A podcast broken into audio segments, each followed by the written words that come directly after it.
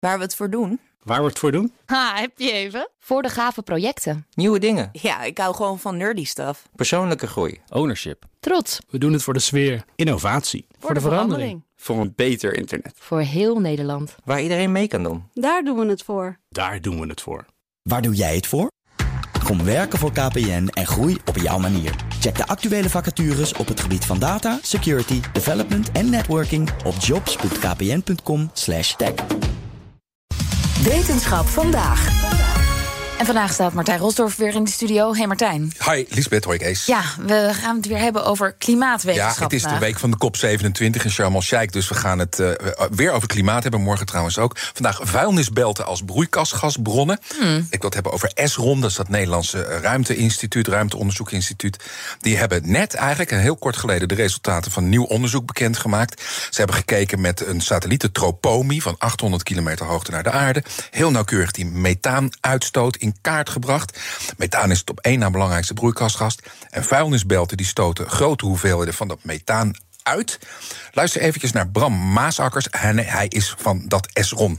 We observeren overal ter wereld hoeveel methaan er in de lucht zit. En we zien dat er bij een aantal vuilnisbelten heel veel extra methaan de lucht inkomt. En die vuilnisbelten waar dat heel veel gebeurt, die willen we vanuit de ruimte zo opsporen. En dan kijken of daar iets aan gedaan kan worden.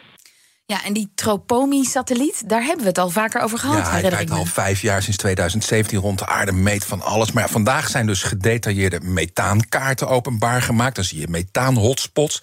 Die zie je bij grote steden natuurlijk. Maar dat verschilt nogal. In West-Europa zie je bijna geen hotspots bij grote steden. Maar bijvoorbeeld Madrid ineens dan weer wel een hele dikke. Eh, India, Pakistan, ook aan de Egyptische kust. Daar zag ik enorme methaanbronnen. En dat zijn dus allemaal vuilnisbelten.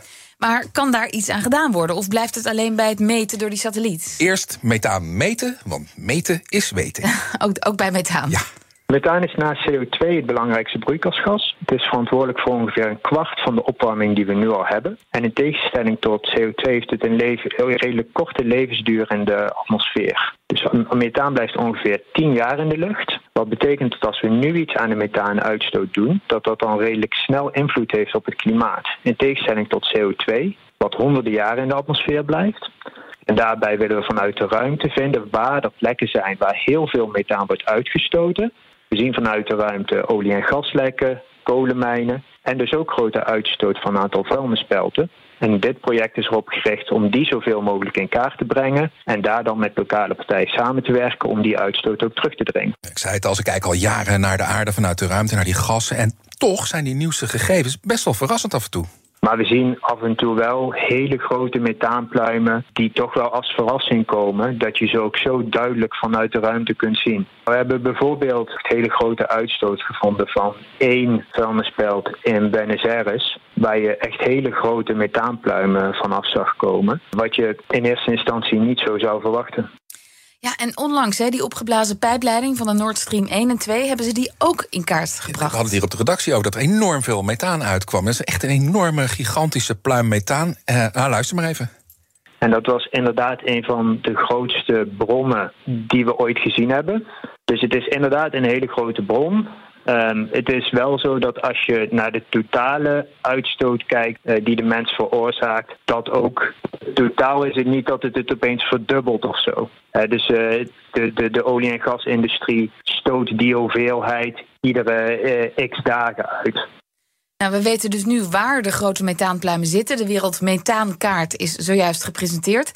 Ja, en wat nu? Wat gaan we doen? Nou, we hoorden al van Bram Maasakkers dat als we die methaanuitstoot aanpakken, dat we binnen tien jaar al daar de vruchten van kunnen plukken. In tegenstelling tot CO2, wat honderden jaren in de Ja. atmosfeer blijft. Maar ja, hoe doe je dat? Je begint heel simpel. Het begint natuurlijk met minder organisch afval produceren, want daar komt het methaan vandaan. Het is organisch afval dat wordt afgebroken door bacteriën in zo'n vuilnisbelt. Als je organisch afval hebt, is het belangrijk om dat te scheiden zodat je het kunt composteren of kunt gebruiken om biogas te produceren. En als het dan toch in zo'n vuilnisbelt komt, kun je werken met afdekkende doeken en installaties om het methaan te onttrekken, zodat het niet de atmosfeer ingaat, maar bijvoorbeeld gebruikt kan worden. Het gas dat we in onze fornuizen gebruiken bestaat hoofdzakelijk uit methaan. Dus alles wat daarvan naar de atmosfeer lekt, is ontzettend zonde. Ja, moeten we niet hebben. En slecht voor het klimaat. Dus Esron is nog lang niet klaar. Ze gaan door met dit project met partners over de hele wereld. Meer speurwerk, dus met die Tropomis-satelliet naar nieuwe en andere methaanbronnen. Maar vandaag even een belangrijke dag. De wereldgemeenschap kan op die COP27 voor het eerst de kaarten zien waar de grote methaanbronnen zitten. Ja, dus meer onderzoek en aan de slag met die uh, vuilnisbelt. Ja, genoeg te doen voor de wetenschap en de wereld. Dankjewel, Martijn Rosdorf. Wetenschap vandaag is mede mogelijk gemaakt door Brightlands. Knowledge Crossing Borders. Ook Harm Edens vind je in de BNR-app. Je kunt BNR Duurzaam niet alleen live luisteren in de app, maar ook terugluisteren als podcast, zoals al onze podcasts. En naast dat de BNR-app Breaking News meldt, houden we je ook op de hoogte van het laatste zakelijke nieuws. Download nu de gratis BNR-app en blijf scherp.